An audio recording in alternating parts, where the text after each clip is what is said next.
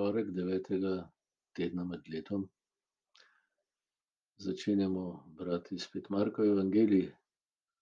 Smo v dvanajstem poglavju, ko Jezusa spet skušajo farizeji pa Herodovci, da bi ga ujeli, če se sme dajati cesarju davek. Ali ga naj dajejo ali ne. Zelo podobno kot danes. Jezus preprosto ob enem novcu pove: "Dajte cesarju, kar je cesarjevega, in Bogu, kar je božjega."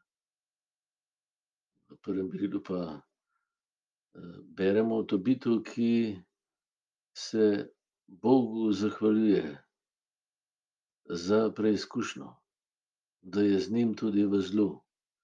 In Jezus potem pri zadnji večerji stori enako. Tobit je podoba Jezusa. On, preden ga odvedejo in z njim naredijo tako kot s predmetom, on se zahvali očetu.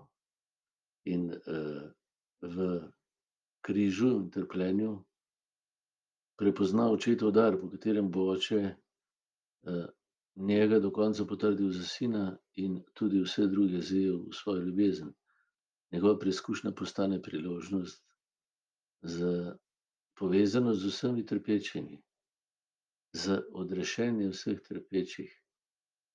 Zato da vsak tam, kjer je najbolj ponižan in potolčen, sreča ljubezen, da je ljubljen, da ga oče ni zavrgel, da je z njim.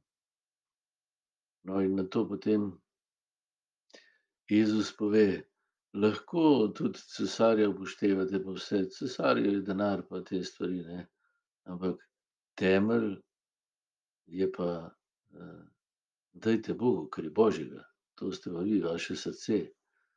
Vi ste ljudje, če je vaše središče Bog, ne denar, ne klanjanje drugemu človeku, ne sla po oblasti, ne sla po kadilnicah in temu, da nas drugi častijo in tako naprej.